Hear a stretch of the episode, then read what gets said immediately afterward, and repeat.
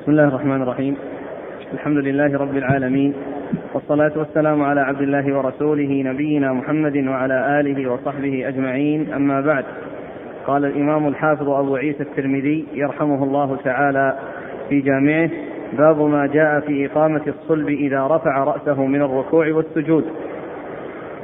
قال حدثنا أحمد بن محمد بن موسى المروزي قال أخبرنا عبد الله بن المبارك قال أخبرنا شعبة عن الحكم عن عبد الرحمن بن أبي ليلى عن البراء بن عازب رضي الله عنهما أنه قال كانت صلاة رسول الله صلى الله عليه وآله وسلم إذا ركع وإذا رفع رأسه من الركوع وإذا سجد وإذا رفع رأسه من السجود قريبا من السواء.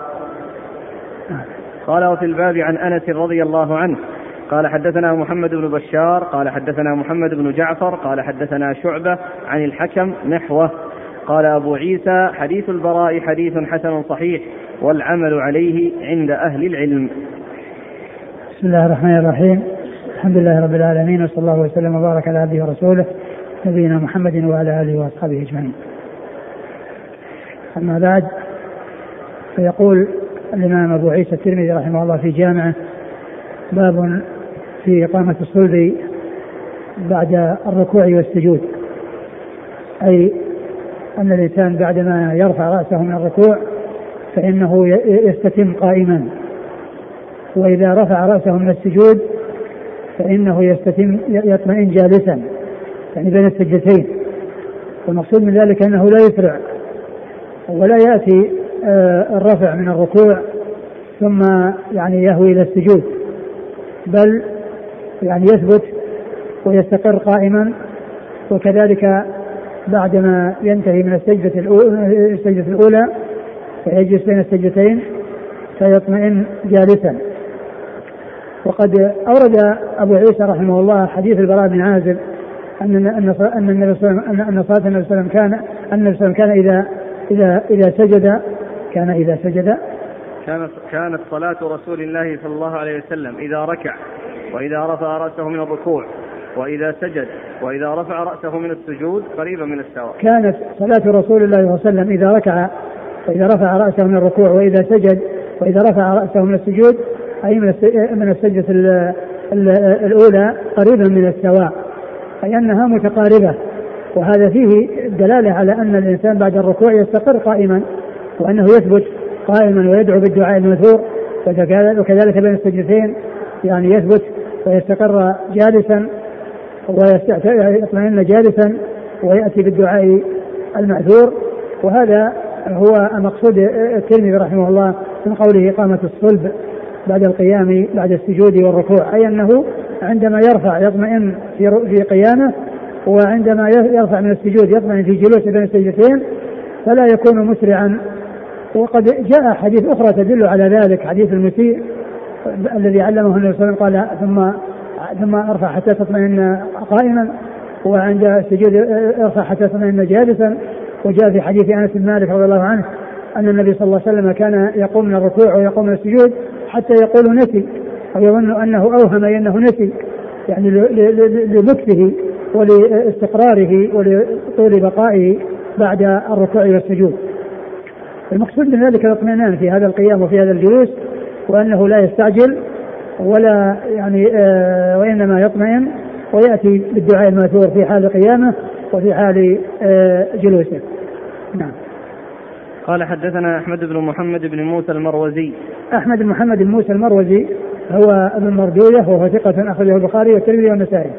عن عبد الله بن المبارك عبد الله المبارك المروزي ثقة أخرجه أصحاب الكتب الستة. عن شعبة عن شعبة بن الحجاج الواسطي ثم البصري ثقة أخرج له أصحاب الكتب الستة. عن الحكم عن الحكم من عتيبة الكندي وهو ثقة أخرج له أصحاب الكتب الستة. عبد الرحمن بن أبي عن عبد الرحمن بن أبي ليلى وهو ثقة أخرج له أصحاب الكتب الستة. عن البراء عن البراء بن عازب رضي الله عنهما وحديثه أخرجه أصحاب الكتب الستة.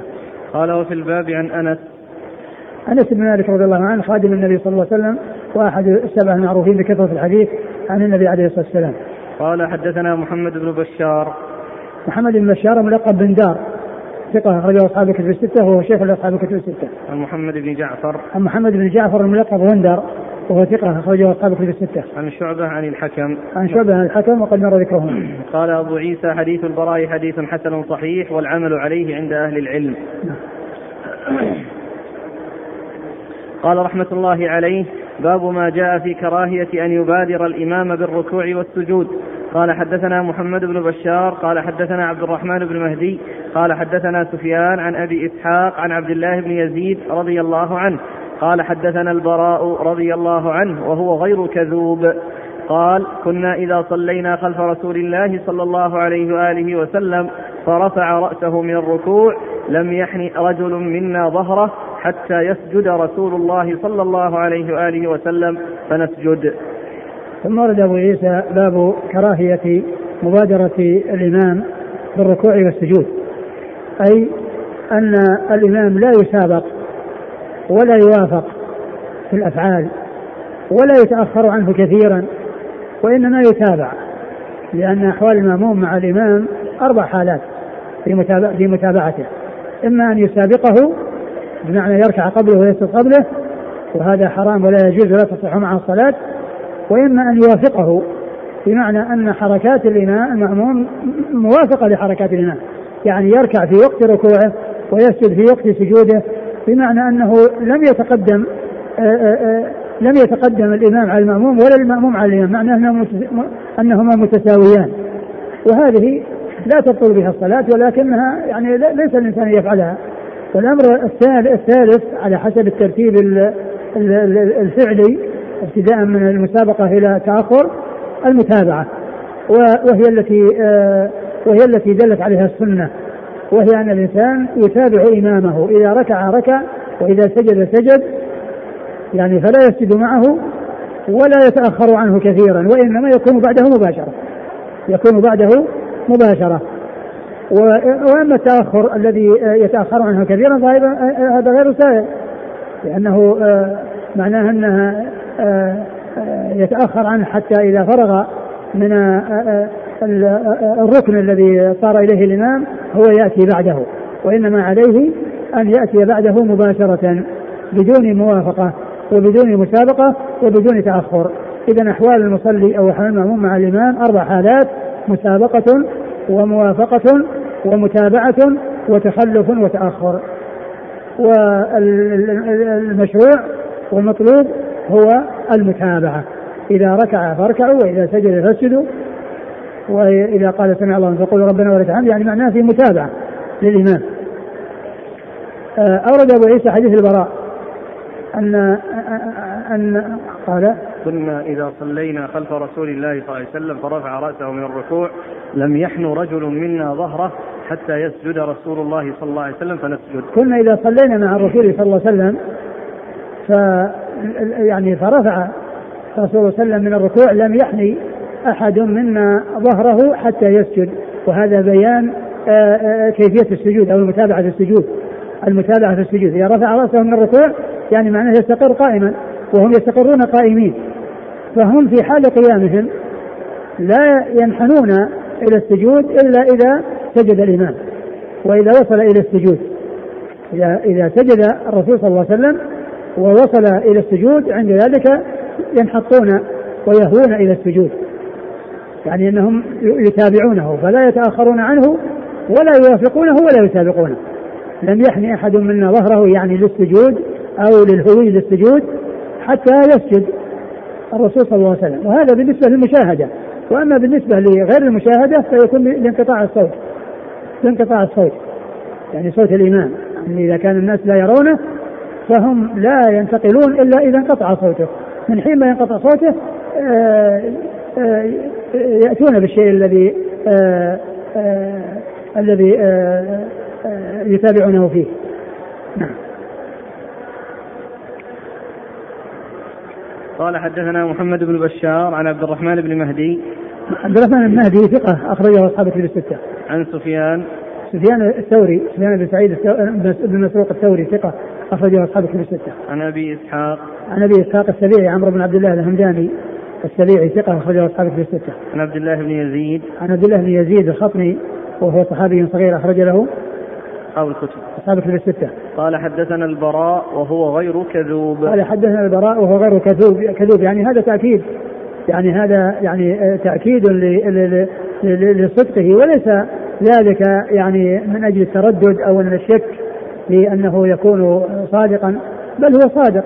وهذه عبارات يؤتى بها من أجل التأكيد كما يقول كما قال عبد الله مسعود حدثنا رسول الله صلى الله عليه وسلم وهو الصادق المصدوق. وهو الصادق المصدوق. يعني بيان للواقع وتأكيد له. نعم. قال وفي الباب عن أنس ومعاوية. أنس بن مالك مر ذكره هو معاوية بن أبي سفيان رضي الله عنه وحديثه أخرجه أصحاب كتب الستة. قال وابن مسعدة صاحب الجيوش. وابن مسعدة صاحب الجيوش هو عبد الله وليس له رواية. وأبي هريرة. ليس له رواية في الكتب. وأبو هريرة عبد الرحمن بن صخر الدوسي آه، أكثر الصحابة حديثا. قال أبو عيسى حديث البراء حديث حسن صحيح. وبه يقول أهل العلم إن من, إن من خلف الإمام إنما يتبعون الإمام فيما يصنع. لا يركعون إلا بعد ركوعه ولا يرفعون إلا بعد رفعه لا نعلم بينهم في ذلك اختلافا.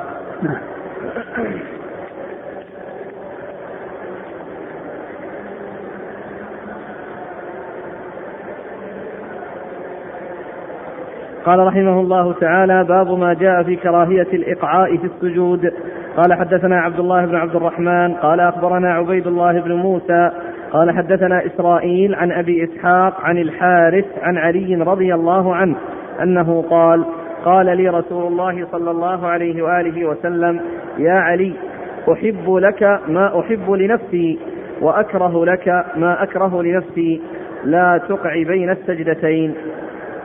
ثم ورد أبو عيسى هذه الترجمة وهي باب اللقاء في السجود وفي آه، النسخ الأخرى بين السجدتين وهي وهي الصواب لأن السجود ليس فيه إقعاء فالإقعاء يكون بين السجدتين. وأما السجود فلا إقعاء فيه. وإنما هو بين السجدتين. وبعض النسخ وهي التي ذكرها في الشرح الإقعاء بين بين السجدتين. فكلمة السجود يعني غير واضحة. اللهم إلا تكون بعد السجود يعني بدل في يعني في بعد السجود فيستقيم يقع بعد السجود. لكن آه المناسبة والواضحة هي الإقعاء بين السجدتين. الإقعاء بين السجدتين. والإقعاء بين السجدتين له له حالتان. حالة آه، محرمة وحالة جائزة. فالحالة المحرمة هي التي ذكرها المصنف في هذا الحديث وهي الإقعاء وهو الإقعاء الذي هو كإقعاء الكلب. وإقعاء الكلب أن يجلس على إليته وينصب ساقيه ويضع يديه على الأرض ويضع يديه على الأرض ويكون بين السجدتين على هذه الهيئة هذه لا تجوز. وإنما آه، الهيئة الجائزة والتي جاءت في حديث ابن عباس الذي سيأتي وهو في صحيح مسلم أنه يجلس على عقبيه يجلس على عقبيه يعني يضع يعني صدور قدميه على الأرض ويعني ثم يجلس على عقبيه. يجلس على عقبيه. هذه جلسة الإقعاء الإقعاء التي جاء عن عباس أنها السنة وأنها سنة نبيكم محمد صلى الله عليه وسلم.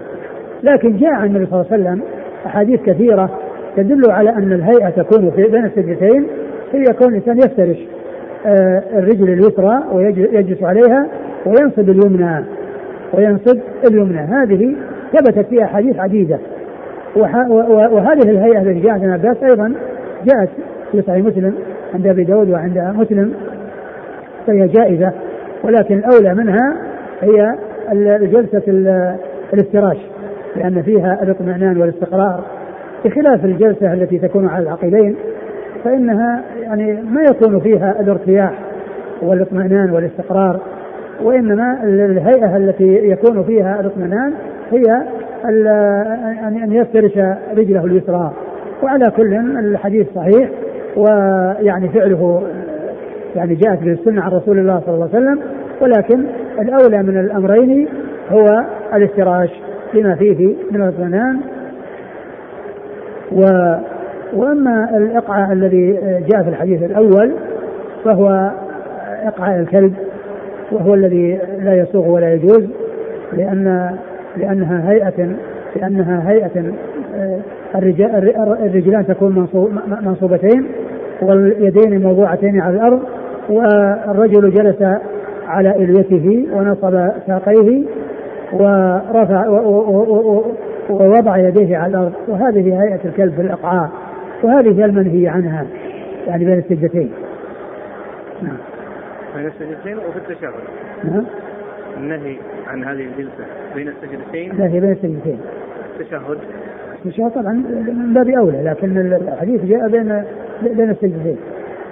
الحديث جاءت بين السجدتين. ولكن الهيئة ذي لا شك أن في حال الجلوس والجلوس لا يجوز لا بين السجدتين ولا في آه وهيئة الإقعاء هذه اللي هي السنة اللي جاء فيها السنة بين السجدتين. لا تكون في التشهد. لا تكون في التشهد. التشهد فيه افتراش فقط وتورك افتراش وتورك في التشهد الأخير من الصلاة التي فيها التي هي تشهدان. و و وليس فيها إقعاء الذي هو الجلوس على العقبين التشهد وإنما هذا بين السجدتين فقط. الله عليك. جاء في بعض الروايات عقبة الشيطان. هل هي الإقعاء أو شيء آخر؟ نهى عن عقبة الشيطان. الذي يظهر أنها هي هي, هي الاقعه هذا اللي اللي اللي هو مثل إقعاء الكلب. حديث علي قال صلى الله عليه وسلم يا علي أحب لك ما أحب لنفسي وأكره لك ما أكره لنفسي لا تقعي بين السجدتين. الحديث في إسناده الحارث الأعور وهو ضعيف وهو غير ثابت لكن النهي عن الإقعاء كإقعاء الكلب ثابت. وهذا مما وهذا مما يعني نهي فيه في الصلاة مشابهة الحيوانات يعني اللي هو إقعاء الكلب وبسط ذراعيه وبسط ذراعيه كما سبق أن مر. وبروك البعير والتفات الثعلب ونقر الغراب كل هذه من مشابهة الحيوانات. ف لا تقي يعني المقصود أنه لا يعني يعمل الهيئة التي كهيئة الكلب. نعم. قال حدثنا عبد الله بن عبد الرحمن. عبد الله بن عبد الرحمن الدارمي وهو ثقة أخرج له مسلم وأبو داود الترمذي مسلم وأبو داود الترمذي عن عبيد الله بن موسى. عن عبيد الله بن موسى وهو ثقة أخرجه أصحاب كتب الستة. عن إسرائيل. عن إسرائيل وهو ثقة أخرجه أصحاب كتب الستة. عن أبي إسحاق. عن أبي إسحاق وهو ثقة أخرجه أصحاب كتب الستة. عن الحارث. عن الحارث الأعور. الحارث بن عبد الله الأعور وهو آه كذبه. كذبه الشعبي في رأيه وفي حديثه ضعف. وفي حديثه ضعف. نعم. أخرجه أصحاب السنن. أخرجه أصحاب السنن. عن علي. عن علي أمير المؤمنين ورابع الخلفاء الراشدين الهادي المهديين صاحب المناقب الجنة والفضائل الكثيرة رضي الله عنه وأرضاه. وحديثه عند أصحاب الكتب الستة. قال أبو عيسى هذا حديث لا نعرفه من حديث علي إلا من حديث أبي إسحاق عن الحارث عن علي وقد ضعف بعض أهل العلم الحارث الأعور. والعمل على هذا عند والعمل على هذا الحديث عند أكثر أهل العلم يكرهون الإقعاء. قال وفي الباب عن عائشة يكرهون الإقعاء يعني المقصود به الإقعاء اللي كإقعاء الكلب. نعم. عائشة أم المؤمنين رضي الله عنها وأرضاها الصديقة من الصديق وهي واحدة من سبعة أشخاص عرفوا بكثرة الحديث عن النبي صلى الله عليه وسلم. وأنس وأبي هريرة. نعم.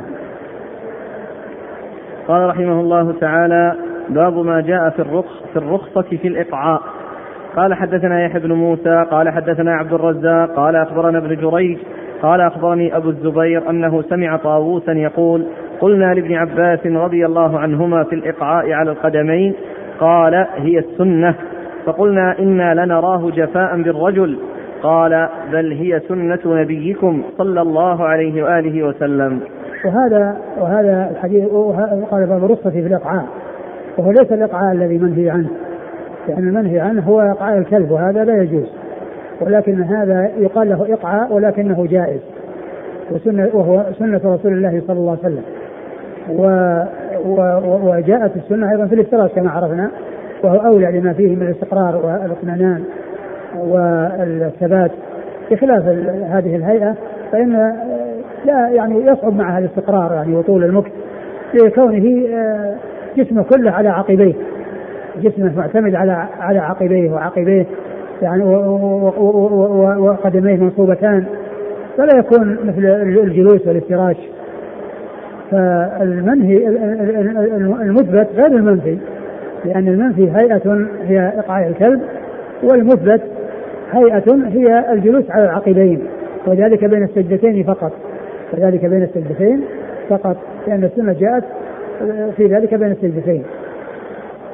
آه، أورد حديث ابن عباس رضي الله عنه عنهما أنه سئل قال طاووس يقول قلنا لابن عباس في الإقعاء على القدمين قال هي السنة. فقلنا إنا لنراه جفاء بالرجل. قال بل هي بالرجل الأقرب الرجل. قال بل هي سنة نبيكم صلى الله عليه وسلم. يعني سألوه قالوا أن أن الإلقاء على القدمين على العقبين فقال السنة. قالوا نراه جفاء في الرجل يعني كونه يعني يجلس على عقبيه يعني غير مستقر وغير آه، مرتاح. فقال سنة نبيكم صلى الله عليه وسلم. فهذا يدل على أن على أنها جاءت بها السنة عن رسول الله صلى الله عليه وسلم كما جاءت بغيرها يعني بين السجدتين. نعم.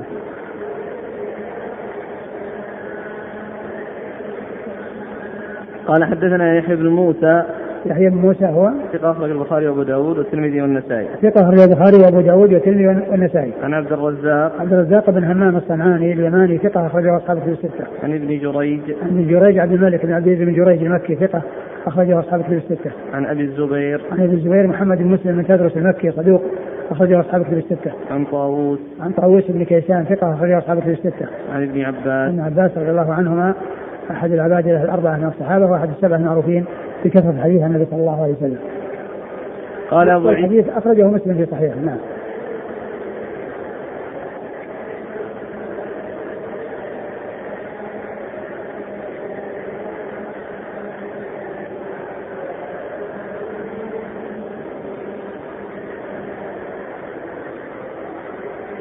قال أبو عيسى هذا حديث حسن صحيح وقد ذهب بعض أهل العلم إلى هذا الحديث من أصحاب النبي صلى الله عليه وآله وسلم لا يرون بالإقعاء بأسا وهو قول بعض أهل مكة من أهل الفقه والعلم.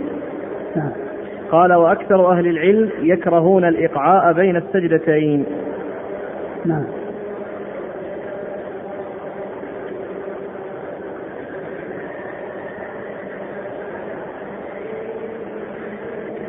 النووي له يعني كلام يعني محرر في هذا ذكره. قال النووي في شرح مسلم اعلم أن الإقعاء ورد فيه حديثان ففي هذا الحديث أنه سنة وفي حديث آخر النهي عنه رواه الترمذي وغيره من رواية علي وابن ماجه من رواية أنس وأحمد بن حنبل رواه رحمه الله من رواية سمرة وأبي هريرة والبيهقي من رواية سمرة وأنس وأسانيدها كلها ضعيفة. واختلف العلماء في حكم الإقعاء وفي تفسيره اختلافا كثيرا لهذه الأحاديث. والصواب الذي لا معدل عنه أن الإقعاء نوعان. أحدهما أن يلصق إليتيه بالأرض وينصب ساقيه ويضع يديه ويضع يديه على الأرض كإقعاء الكلب. هكذا فسره أبو عبيدة معمر بن المثنى وصاحبه أبو عبيد القاسم بن سلام وآخرون من أهل اللغة. وهذا النوع هو المكروه الذي ورد فيه النهي. والنوع الثاني أن يجعل إليتيه على عقبيه بين السجدتين. وهذا هو مراد ابن عباس بقوله سنة نبيكم صلى الله عليه وسلم. وقد نص الشافعي رحمه الله آه، وقد نص الشافعي رضي الله عنه في البوط والإملاء على استحبابه في الجلوس بين السجدتين. وحمل حديث ابن عباس رضي الله عنهما عليه جماعات من المحققين منهم البيهقي والقاضي عياض وآخرون رحمهم الله. قال القاضي وقد روى أو وقد روي عن جماعة من الصحابة والسلف أنهم كانوا يفعلونه. قال وكذا جاء مفسرا عن ابن عباس رضي الله عنهما من السنة أن تمس عقبيك أليك هكذا هذا هو الصواب في تفسير حديث ابن عباس. وقد ذكرنا أن الشافعي رضي الله عنه على استحبابه في الجلوس بين السجدتين وله نص آخر وهو الأشهر أن السنة فيه الافتراش وحاصله أنهما سنتان وأيهما أفضل. فيه قولان. قال الشيخ أحمد شاكر والذي قاله النووي تحقيق جيد ويؤيده كتب اللغة.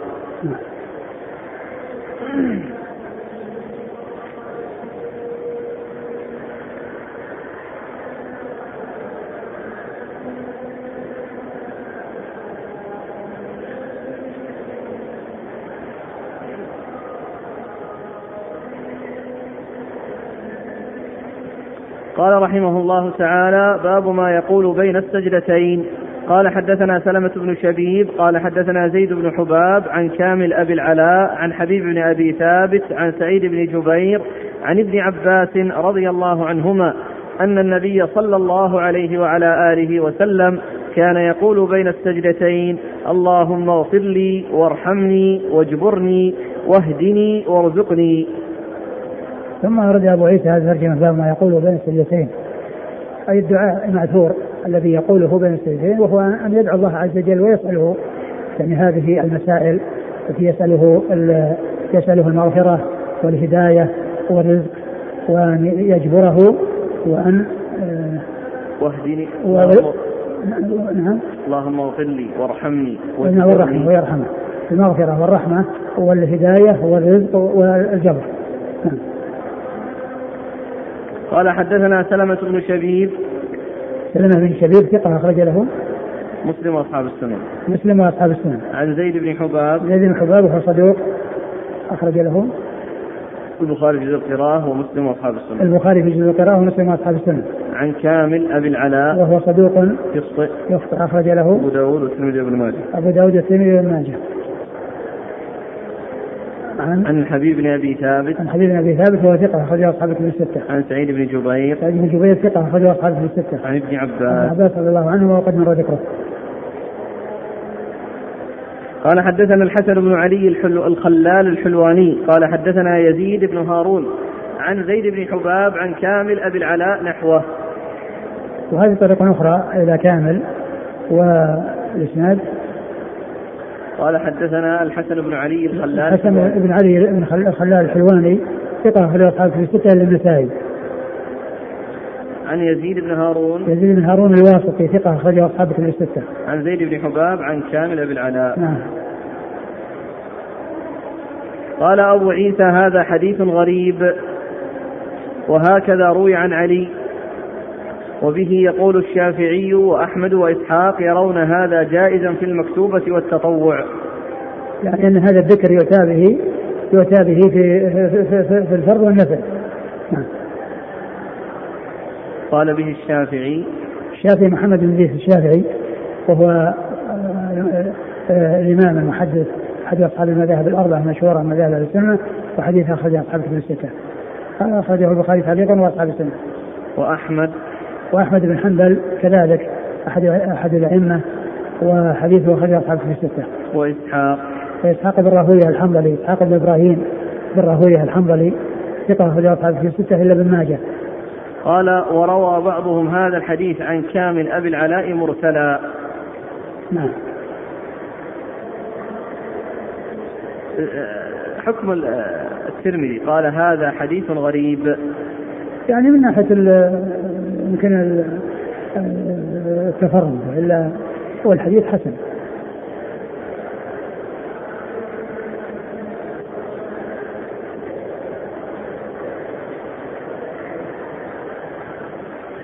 يقول السائل كثير من عوام من العوام يقولون رب اغفر لي ولوالدي بين السجدتين. لا ما يشرع لا ما يشرع ما يشرع أن يأتي بهذا. يأتي بهذا في السجود. كون يسأل الله له ولوالديه يأتي بالسجود لأن السجود جاء فيه أن الإنسان يكثر من الدعاء وأنه قانون أن يستجاب له. وأما بين السجدتين فيؤتى بما هو ماثور فقط.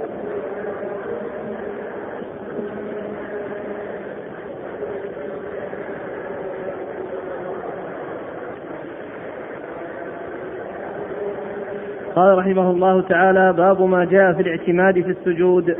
قال حدثنا قتيبة قال حدثنا الليث عن ابن عجلان عن سمي عن أبي صالح عن أبي هريرة رضي الله عنه أنه قال اشتكى بعض أصحاب النبي صلى الله عليه وآله وسلم إلى النبي صلى الله عليه وآله وسلم مشقة السجود عليهم إذا تفرجوا. فقال استعينوا بالركب. قال أبو عيسى هذا حديث غريب لا نعرفه من حديث أبي صالح عن أبي هريرة عن النبي صلى الله عليه وآله وسلم إلا من هذا الوجه من حديث الليث عن ابن عجلان. وقد روى هذا الحديث سفيان بن عيينة غير واحد عن سمي عن النعمان بن أبي عياش عن النبي صلى الله عليه وآله وسلم نحو هذا. وكأن رواية هؤلاء أصح من رواية الليث. انتهى؟ نعم. ثم ورد أبو عيسى هذا الترجمة باب الاعتماد في السجود. أي الاعتماد يعني على على الركب أو على الافخاذ يعني في المرافق.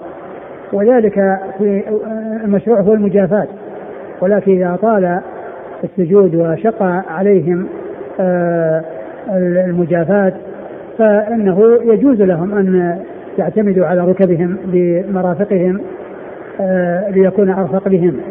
وقد أورد أبو عيسى حديث أبي هريرة. أبي هريرة رضي الله عنه أن أصحاب الرسول صلى الله عليه وسلم اشتكوا أنهم إذا انفرجوا في, في السجود يعني فرجوا يعني أيديهم آه، أو يعني بعدوها عن عن جنوبهم. واستمروا طويلا فإنه يشق عليهم ذلك الاستمرار. فالرسول صلى الله عليه وسلم قال اعتمدوا على الركب. نعم. اعتمدوا على الركب. استعينوا. استعينوا بالركب. نعم. استعينوا بالركب. يعني أنهم يعني يقربونها بدل ما تكون منفرجة. يعني يقربونها إلى الركب فيعتمدون عليها. إذا شق عليهم ذلك. هذا هو معنى الاعتماد الاعتماد في السجود. الاعتماد في السجود الذي ذكره المصنف. يعني إنهم يعتمدون على ركبهم يعني إذا شق عليهم طول الانفراج الذي يكون بسبب المجافاة حيث يطول السجود ويشق عليهم ذلك فلهم أن يقربوها ويستعينون بالركب. نعم.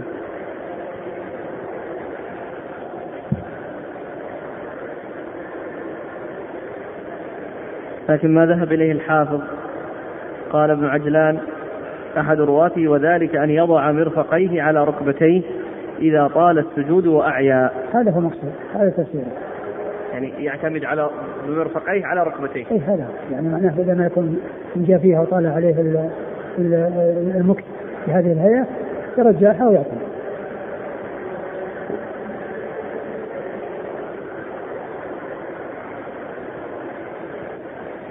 قال حدثنا قتيبة قتيبة بن سعيد بن جميل بن طريف البغلاني ثقة أخرجه أصحاب في الستة. عن الليث عن الليث بن سعد المصري ثقة فقيه أخرجه أصحاب في الستة. عن ابن عجلان عن ابن عجلان محمد بن عجلان صدوق أخرجه البخاري تعليقا ومسلم وأصحاب السنة. عن سمي عن سمي مولى أبي بكر بن عبد الرحمن بن حازم بن هشام ثقة أخرجه أصحاب في الستة. عن أبي صالح عن أبي صالح ذكوان السمان ثقة أخرجه أصحاب في الستة. عن أبي هريرة عن أبي هريرة عبد الرحمن بن صخر الدوسي رضي الله عنه وقد مر ذكره.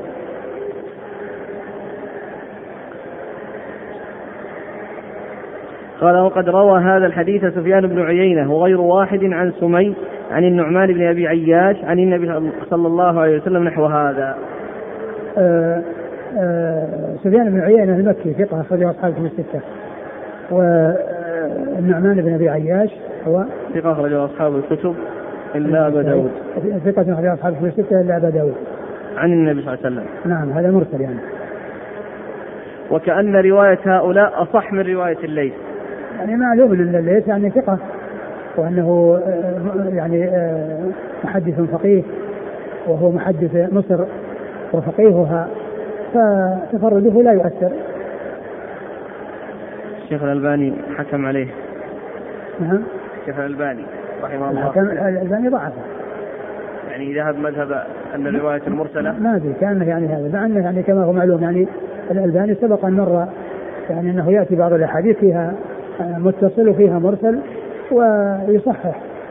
يعني المتصل ويجعل المرسل يعني يعني يؤيده. هذا مر بنا بالأمس. يعني مثال لهذا.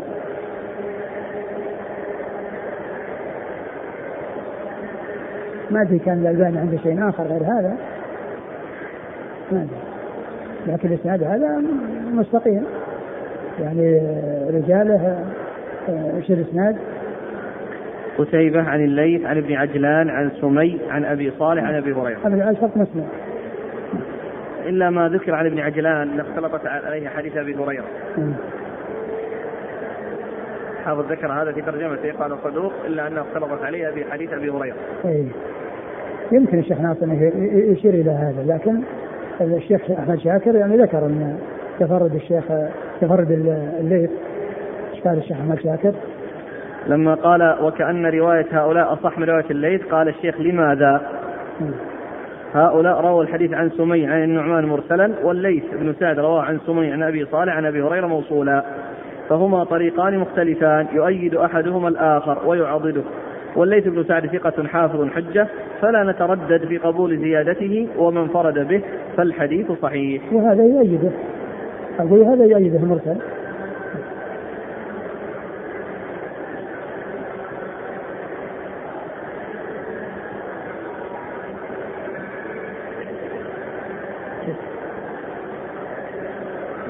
قال رحمه الله تعالى باب ما جاء كيف النهوض من السجود قال حدثنا علي بن حجر قال أخبرنا هشيم عن خالد الحذاء عن أبي قلابة عن مالك بن الحويرث الليثي رضي الله عنه أنه رأى النبي صلى الله عليه وآله وسلم يصلي فكان إذا كان في وتر من صلاته لم ينهض حتى يستوي جالسا. ثم ورد أبو عيسى كيف النهوض من السجود؟ هذه ترجمة كيف النهوض يعني كيف يكون؟ وقد ذكر في آه، فيه حديثين. أحدهما أنه ينهض بان يجلس جلسة خفيفة تسمى الاستراحة والثاني أنه يقوم من سجوده إلى القيام من سجود. يعني معناه أن القيام يكون من جلوس ويكون أو يكون من سجود. فعلى حديث مالك بن الحويرث أن القيام يكون من جلوس لأنه جلس للاستراحة فيقوم من جلوسه وينهض من جلوسه. وعلى الحديث الثاني الذي أورده المصنف وهو ضعيف أنه يقوم من سجوده فلا يكون في جلسة استراحة. وجلسة الاستراحة ثابتة عن رسول الله صلى الله عليه وسلم في حديث مالك آه، ابن الحويرث رضي الله عنه وهو أنه يقوم من سجوده ثم ويجلس جلسة خفيفة ليس فيها ذكر وهي يعني شيء يسير جدا. ثم ينهض من جلوس. ينهض من جلوس. نعم. وذاك الحديث الذي فيه أنه يقوم من سجود يعني ضعيف. عن مالك رضي الله مالك بن الحويرث الليثي أنه رأى النبي صلى الله عليه وسلم يصلي فكان إذا كان في وتر إذا كان في وتر يعني معناه بعد الأولى والثالثة. يعني بعد الأولى والثالثة. إذا قام يعني بعد الأولى اللي في التكبير الركعة الأولى وإذا قام بعد الثالثة هذا وتر من صلاته لأن الأولى وتر والثالثة وتر. الأولى وتر والثالثة وتر. فإذا قام من الأولى أو من الثالثة والثالثة لا تكون إلا في الصلاة الرباعية الثالثة لا تكون إلا في الصلاة الرباعية وأما الأولى فإنها تكون في كل الصلوات. تكون في كل الصلوات الفرض والنفل فإذا فكان إذا كان في وتر من صلاته لم ينهض حتى يستوي جالسا. لم ينهض يعني يعني للقيام حتى يستوي جالسا له جلسة الاستراحة. يعني في جلسة خفيفة.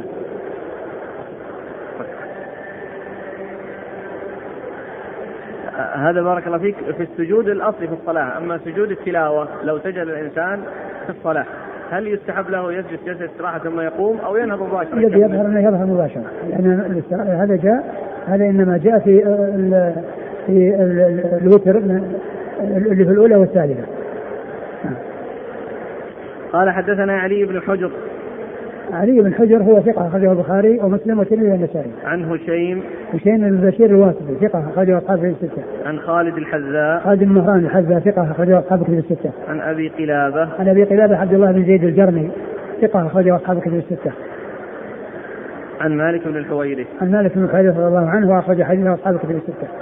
قال أبو عيسى حديث مالك بن الحويرث حديث حسن صحيح والعمل عليه عند بعض أهل العلم وبه يقول إسحاق وبعض أصحابنا. ومالك إسحاق مر ذكره.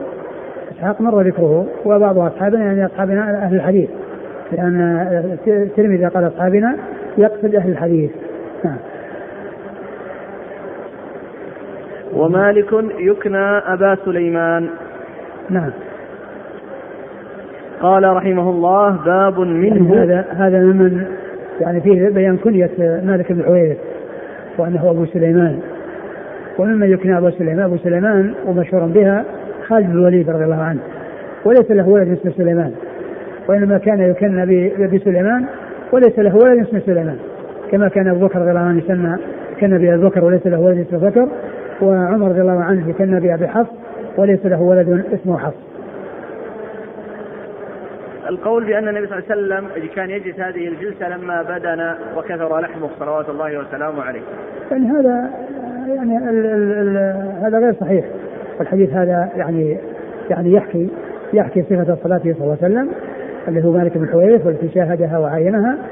فيعني ال آه آه هذه الهيئة التي فعلها النبي صلى الله عليه وسلم. قال صلوا كما رأيتم أصلي يقول إذا صلى الوتر ثلاث ركعات متصلات. فهل يأتي بهذه الجلسة في الأولى والثانية؟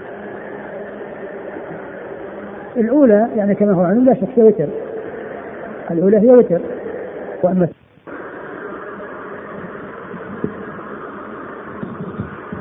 قال رحمه الله تعالى باب منه أيضا. قال حدثنا يحيى بن موسى قال حدثنا أبو معاوية قال حدثنا خالد بن إلياس. عن صالح مولى التوأمة عن أبي هريرة رضي الله عنه أنه قال كان النبي صلى الله عليه وسلم ينهض في الصلاة على صدور قدميه. ثم ورد أبو عيسى باب منه آخر أي من كيفية النهوض وهي تختلف عن عن الكيفية السابقة. كان ينهض على صدور قدميه يعني من سجوده يعني ينهض من السجود على ظهور قدميه يعني معناه أنه يقوم من سجوده آه على ظهور قدميه. معناه أنه ليس لم يجلس جلسه الاستراحة. ولكن الحديث آه ضعيف في خالد خالد بن إياس أو بن إياس وهو متروك. وخالد وصالح مولى التوأمة الذي هو شيخه يعني فيه كلام. نعم. قال حدثنا يحيى بن موسى يحيى بن موسى مر ذكره. عن أبي معاوية. أبو معاوية كذلك مر ذكره. عن خالد بن إلياس. خالد بن إياس وهو متروك أخرج حديثه. الترمذي وابن ماجه. الترمذي وابن ماجه. عن صالح مولى التوأمة. وهو صدوق. اختلط. صدوق اختلط. أخرج أبو داود والترمذي وابن ماجه. أخرج أبو داود والترمذي وابن ماجه. عن أبي هريرة. عن أبي هريرة وقد مر ذكره. قال أبو عيسى حديث أبي هريرة عليه العمل عند أهل العلم يختارون أن ينهض الرجل في الصلاة على صدور قدميه. وخالد بن إلياس هو ضعيف. هذا قول لبعض أهل العلم. قول لبعض أهل العلم أنه يعني ما يجوز جلسه الاستراحة. لكن جلسة الاستراحه ثابتة فالأخذ بها هو السنة. وخالد بن إلياس هو ضعيف عند أهل الحديث. قال ويقال خالد بن إياس أيضا. وصالح مولى التوأمة هو صالح بن أبي صالح وأبو صالح اسمه نبهان وهو مدني. نعم. قال رحمه الله تعالى باب ما جاء في التشهد. قال حدثنا يعقوب بن إبراهيم الدورقي قال حدثنا عبيد الله الأشجعي عن سفيان الثوري عن أبي إسحاق عن الأسود بن يزيد عن عبد الله بن مسعود رضي الله عنه أنه قال علمنا رسول الله صلى الله عليه وآله وسلم إذا قعدنا في الركعتين أن نقول التحيات لله والصلوات والطيبات السلام عليك أيها النبي ورحمة الله وبركاته السلام علينا وعلى عباد الله الصالحين أشهد أن لا إله إلا الله وأشهد أن محمدا عبده ورسوله. قال وفي الباب عن ابن عمر وجابر وأبي موسى وعائشة رضي الله عنهم. قال أبو عيسى حديث ابن مسعود قد روي عنه من غير وجه وهو أصح حديث روي عن النبي صلى الله عليه وسلم في التشهد. والعمل عليه عند أكثر أهل العلم من أصحاب النبي صلى الله عليه وسلم ومن بعده من التابعين وهو قول سفيان الثوري وابن المبارك وأحمد وإسحاق. قال حدثنا أحمد بن موسى أحمد بن محمد بن موسى. قال أخبرنا عبد الله بن المبارك عن معمر عن خصيف قال رأيت النبي صلى الله عليه وآله وسلم في المنام. فقلت يا رسول الله إن الناس قد اختلفوا في التشهد. فقال عليك بتشهد ابن مسعود. ثم ابو أبو عيسى رحمه الله باب في التشهد. والتشهد هو الاتيان بالذكر الذي يؤتى به في بعد الركعتين أو بعد الثلاث بعد الركعتين في الفجر وفي آه، النوافل وبعد الثلاث في المغرب وبعد وبعد الأربع آه، في في الصلوات الأخرى الرباعية. ويؤتى به في التشهد الأول وفي التشهد الثاني. يعني التشهد تشهدان وقيل التشهد لأن فيه الشهادة وفي أشهد أن لا إله إلا الله وأشهد أن محمدا عبده ورسوله. و وقد أورد أبو عيسى حديث عبد الله بن مسعود رضي الله عنه أن النبي صلى الله عليه وسلم علمه التشهد. ولفظه التحيات لله والصلوات والطيبات والسلام عليك أيها النبي ورحمة الله وبركاته. السلام علينا وعلى عباد الله الصالحين. أشهد أن لا إله إلا الله وأشهد أن محمدا عبده ورسوله. هذا هو تشهد ابن مسعود. وقد جاء تشهدات أخرى أشار إلى المصنف إلى بعضها وكل ما ثبت عن رسول الله صلى الله عليه وسلم من ذلك فإن الأخذ بأي واحد منهما يكون صحيحا. ولكن العلماء اختلفوا في الاختيار وتقديم بعضها على بعض وأن بعضها أولى من بعض.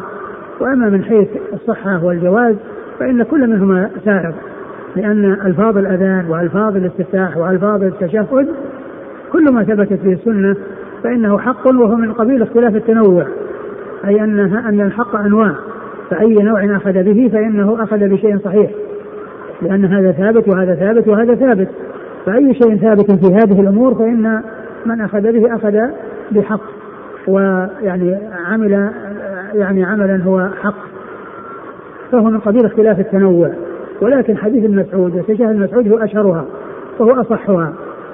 وهو الذي اتفق الشيخان على إخراجه.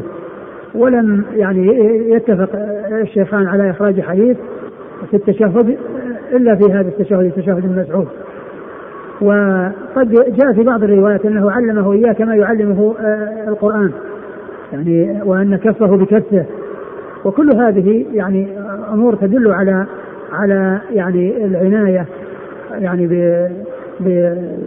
بالتعليم وعلى آه، إتقان ابن مسعود رضي الله عنه وأرضاه للشيء الذي علم إياه لأنه أخبر عن الهيئات التي آه، كانت عند تعليمه إياه وأن كفه بكفه وأنه يعلمه كما يعلمه السورة من القرآن. وكل هذا يعني يدل على يعني آه، على الاهتمام والعناية من النبي صلى الله عليه وسلم وعلى الضبط والإتقان من عبد الله بن مسعود رضي الله عنه لأنه عرف مع الحديث الهيئات التي كان عليها عند التحديث بالحديث. وهذا من الأشياء التي آه، يستدلون بها على ضبط الراوي الراوي وإتقانه. يعني إذا كان له قصة وحفظ القصة التي تتعلق بالحديث والتي لها علاقة بالحديث هذا يدل على إتقانه كونه آه، يحفظ الحديث ويحفظ ويعرف الهيئة التي حصلت عند التحديث بالحديث وعند تلقي الحديث وسماع الحديث. آه، وتشهد المسعود التحيات لله والصلوات والطيبات. والتحيات فسرت بعدة تفسيرات لا تنافي بينها. فسرت بالتعظيمات ويعني فسرت بغير ذلك. وكذلك الصلوات فسرت بالصلوات آه، مطلقة. يعني سواء كانت فرضا أو نفلا.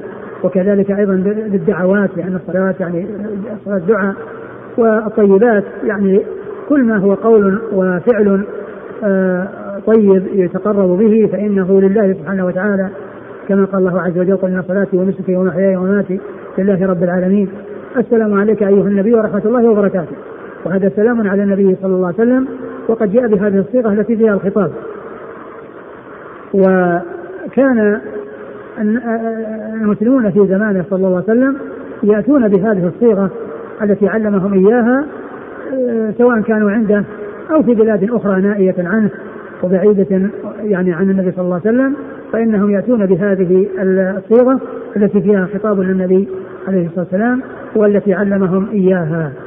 وقد جاء عن بعض آه، آه، يعني أهل العلم أن القول بأنه بعد وفاته صلى الله عليه وسلم أنه آه، يؤتى بالغيبة بدل المخاطبة فيقال السلام على النبي السلام على النبي ورحمة الله وبركاته. وجاء هذا عن بعض الصحابة أنهم كانوا بعد وفاته يقولون ذلك. لكن جاء عن عمر بن الخطاب رضي الله عنه أنه كان يعلم الناس التشهد على المنبر وفيه السلام عليك أيها النبي ورحمة الله وبركاته. السلام عليك أيها النبي ورحمة الله وبركاته. يعلمهم إياه على المنبر. وفيه هذه الصيغة فدل هذا على أن هذا لم يكن متفقا عليه بين الصحابة وأنهم آه، عدلوا عن الخطاب إلى آه، إلى الغيبة. بل آه، منهم من فعل ذلك ومنهم من لم يفعل. وكون عمر رضي الله عنه وأرضاه يحدث الناس به ويعلمهم إياه على المنبر وهو بهذه الصيغة وكان ذلك في زمن خلافته دل على أن هذه الصيغة تقال بعد وفاته صلى الله عليه وسلم وأنها وأنه لا يتعين العدول عنها. وقد حصل من بعض الصحابة العدول إلى إلى الغيبة وبعضهم آه، استمروا على الصيغة التي علمهم إياها رسول الله صلى الله عليه وسلم وهي الخطاب السلام عليك أيها النبي ورحمة الله وبركاته. السلام علينا وعلى عباد الله الصالحين. يسلم على نفسه وعلى كل عبد صالح يعني في السماء والأرض و ثم بعد ذلك أشهد أن لا إله إلا الله وأشهد أن محمدا عبده ورسوله يعني يشهد الشهادتين الشهادة لله بالألوهية والشهادة لنبيه محمد صلى الله عليه وسلم بالرسالة وفيه ذكر الوصفين اللذين أرشد إليهما رسول الله صلى الله عليه وسلم في آه، ذكره وهما كونه عبد الله ورسوله. كما قال عليه الصلاة والسلام لا تطروني كما أطرت النصارى بن مريم إنما أنا عبد فقولوا عبد الله ورسوله. ومعنى كونه عبد أي أنه لا يعبد وكونه رسول لا يكذب بل يطاع ويتبع صلوات الله وسلامه وبركاته عليه. نعم. قال حدثنا يعقوب بن إبراهيم الدورقي. يعقوب بن إبراهيم الدورقي ثقة أخرجه أصحاب الكتب الستة وهو شيخ لأصحاب الكتب الستة وهو من صغار شيوخ البخاري وهو وهو ومحمد بن بشار ومحمد المثنى هؤلاء الثلاثة من شيوخ البخاري الصغار وقد ماتوا قبله ب آه، آه، بأربع سنوات لأنهم جميعا توفوا في سنة 52 و200 والبخاري توفي سنة 56 و200 فإذا يعقوب بن إبراهيم الدورقي ومحمد بن المثنى ومحمد بن بشار هؤلاء الثلاثة من شيوخ أصحاب الكتب الستة وهم من صغار شيوخ البخاري وماتوا في سنة واحدة وهي سنة 52 و200 أي قبل وفاة البخاري بأربع سنوات. عن عبيد الله بن الأشجعي. عن عبيد الله بن عبيد الرحمن الأشجعي وهو ثقة أخرج له. أصحاب الكتب إلا أبو داود. أخرج أصحاب الكتب الستة إلا أبا داود. عن سفيان الثوري. عن سفيان الثوري مر ذكره عن أبي إسحاق عن الأسود بن يزيد. وأبو إسحاق مر ذكره الأسود بن يزيد هو ثقة. أخرجه أصحاب الكتب الستة. عن عبد الله بن مسعود. وعبد الله بن مسعود الهذلي رضي الله عنه وقد أخرج حديثه أصحاب الكتب الستة. قال وفي الباب عن ابن عمر وجابر وأبي موسى. ابن عمر عبد الله بن عمر رضي الله عنه عنهما أحد العباد الأربعة وأحد السبعة المعروفين بكثرة الحديث. وجابر بن عبد الله رضي الله عنهما أيضا أحد آه، السبعة المعروفين بكثرة الحديث. عن النبي صلى الله عليه وسلم وأبو موسى وعبد الله بن قيس الأشعري رضي الله عنه و وحديثه أخرجه أصحاب الكتب الستة. وعائشة وعائشة أم المؤمنين رضي الله عنها وأرضاها وقد مر ذكرها. قال أبو عيسى حديث ابن مسعود قد روي عنه من غير وجه وهو أصح حديث روي عن النبي صلى الله عليه وسلم في التشهد وعليه العمل عند أكثر أهل العلم من أصحاب النبي صلى الله عليه وسلم ومن بعده من التابعين وهو قول سفيان الثوري وابن المبارك وأحمد وإسحاق وكل هؤلاء مر ذكرهم قال حدثنا أحمد بن محمد بن موسى. أحمد بن محمد بن موسى مر ذكره عن عبد الله بن المبارك عن معمر. معمر بن راشد الأزدي البصري ثم اليماني وهو ثقة أخرجه أصحاب في الستة. عن خصيف عن خصيف بن عبد الرحمن وهو صدوق. سيء الحفظ. سيء الحفظ أخرج له. أصحاب السنن. أصحاب السنن. قال رأيت النبي صلى الله عليه وسلم في المنام فقلت يا رسول الله إن الناس اختلفوا في التشهد. فقال عليك بتشهد ابن مسعود. نعم الرسول صلى الله عليه وسلم يرى في المنام ولكن لا يعني تثبت الأحكام. بالرؤية المنامية وإنما تثبت الأحكام بما ثبت عنه صلى الله عليه وسلم وما جاء في القرآن والسنة. والنبي صلى الله عليه وسلم يعني ترك الناس على بيضاء ليلها كنهارها وقد بين الناس ما يحتاجون إليه وليس هناك أحكام تبين في الرؤيا بعد وفاته صلى الله عليه وسلم بل الشريعة كاملة و آه، آه، كاملة قبل وفاته صلى الله عليه وسلم.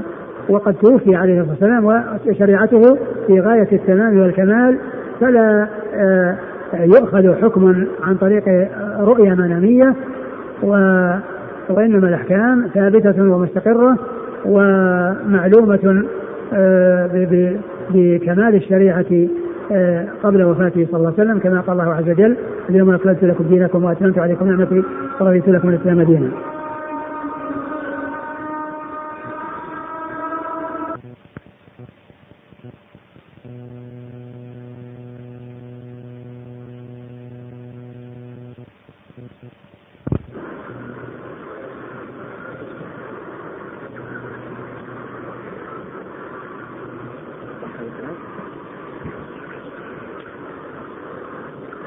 رؤية النبي صلى الله عليه وسلم في المنام لا يؤخذ منها أحكام لم تكن ثابتة عنه صلى الله عليه وسلم قبل وفاته ورؤيته صلى الله عليه وسلم آه، تحصل لمن رآه على الهيئة التي هي هيئته التي يعرفها أصحابه. وأما من رآه على هيئة أخرى ليست هي هيئته التي يعرفها أصحابه فليس هذا رسول الله صلى الله عليه وسلم. وإنما من رآه على هيئته التي هو عليها هذا هو الذي رآه. وهي التي لا يتمثل الشيطان بها على هيئته التي هو عليها. وقد جاء في الشمائل شمائل الترمذي عن ابن عباس رضي الله تعالى عنهما أنه جاءه رجل فقال يا ابن عباس إنني رأيت النبي صلى الله عليه وسلم. قال ابن عباس رضي الله عنه صف لنا هذا الذي رأيت صف لنا هذا الذي رأيت. فوصفه. فقال رضي الله عنه لو كنت رأيته كما رأيناه ما زدت على ما ذكرت شيئا. يعني أنه مطابق للهيئة التي كان الصحابة رضي الله عنهم وأرضاهم يعرفونها. يعني فهذا يعني معناه أن الرؤيا انها حق وأنه رأى النبي صلى الله عليه وسلم فعلا لأن رأى لأنه رآه على الهيئة التي هو عليها. والله تعالى أعلم وصلى الله وسلم وبارك على نبينا محمد وعلى آله وأصحابه أجمعين. جزاكم الله خيرا وبارك الله فيكم ونفعنا الله ما قلتم.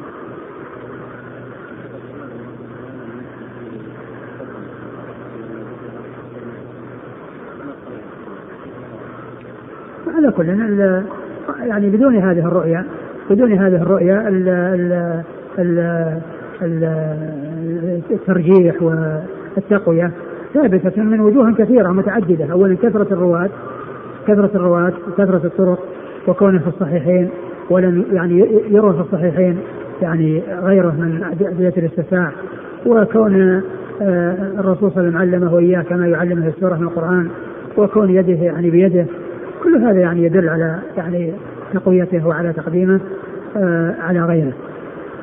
ويعني قضية ال آه، التقديم والتأخير والترجيح يعني موجود بدون هذه الرؤية. جاء عدد من الأسئلة هل ورد حديث صحيح فيه الصلاة على النبي صلى الله عليه وسلم في التشهد الأول بعد هذه التحيات أو أن هذا خاص بالتشهد الثاني الصلاة الإبراهيمية؟ الذي أذكر أنه فيه فيه. نعم به صلى عن في التشهد الأول.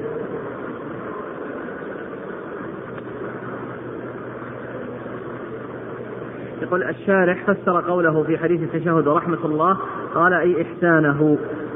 فما تعليقكم؟ آه الرحمة غير الإحسان ولكن ولكن هي ثمرة الإحسان ثمرة الرحمة. ثمرة الرحمة فإذا كان مقصود أن الرحمة يعني معناها الإحسان وأنه ليس لها معنى الإحسان هذا لا صحيح. وإن أريد تفسيره يعني بلازمه أو ب يعني ثمرته أو ب يعني آه، ما يحصل عنه وينتج عنه فهو صحيح.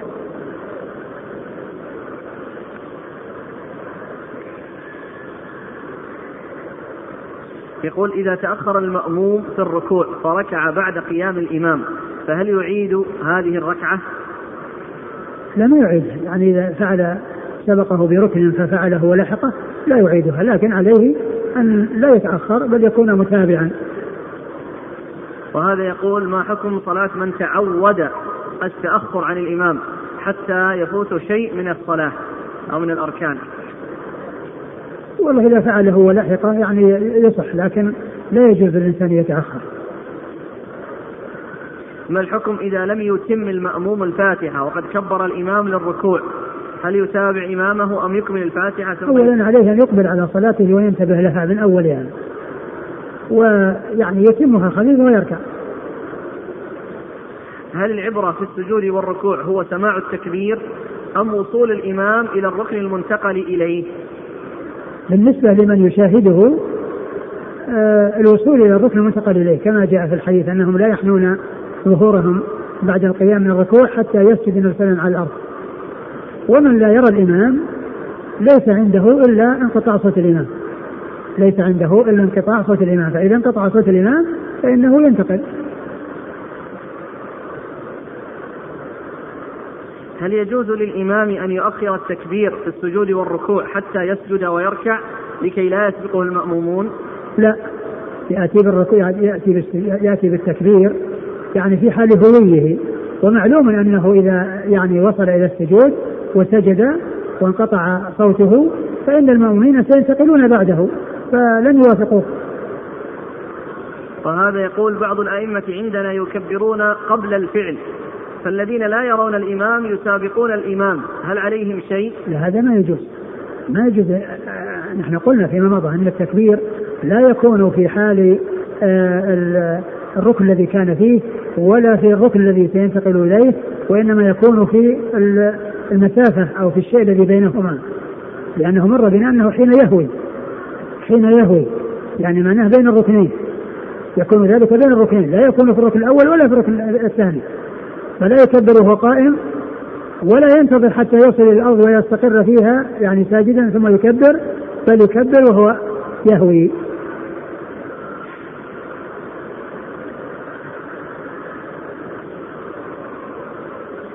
ما معنى اجبرني؟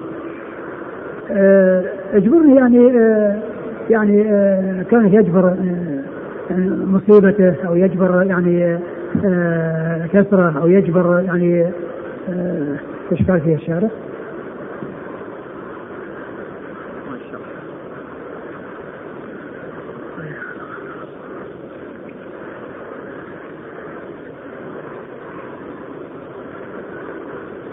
أو جبر النقص يعني أي معنى يؤديه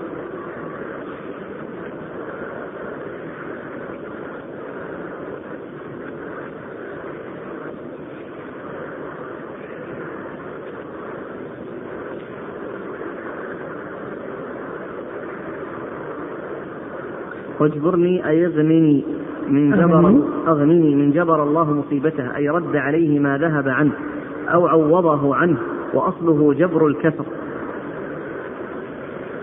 فيه رزقنا يعني موجودة نعم. هذا يقول قال الجزري في النهاية وجبرني أي أغنني من جبر الله مصيبته أي رد عليه ما ذهب عنه أو عوضه عنه وأصله من جبر الكسر. انتهى؟ نعم ما في شيء آخر؟ لا نعم. على كل هو ارزقني يعني موجودة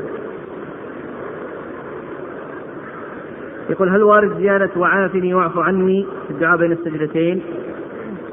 عافني وردت واعف عني ما أعرف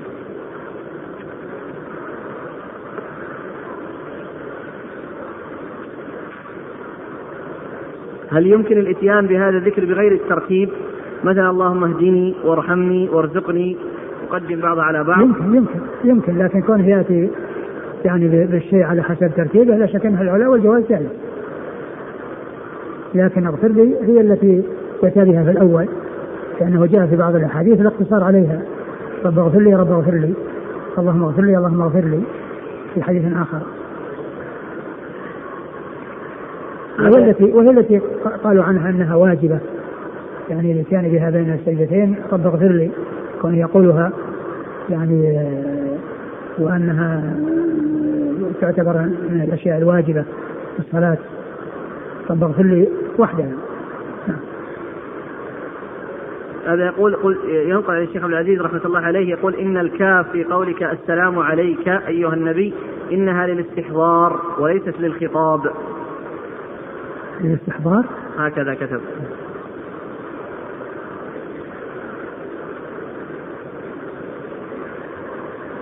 لها وجه؟ نعم طبعا هو خطاب يقول ما حكم هذا التشهد التحيات في الأولى وفي الثانية التشهد الأول والتشهد الثاني واجب أم ركن؟ التشهد الأخير ركن وأما في الأول فإنه واجب لأن لأنه يجبر بالسهو كما جاء في حديث مالك بن بحينة عبد الله بن مالك بن بحينة فإنه جبر بالسهو فدل على أنه ليس بركن. جزاكم الله خيرا وبارك الله فيكم ونفعنا الله ما قلتم.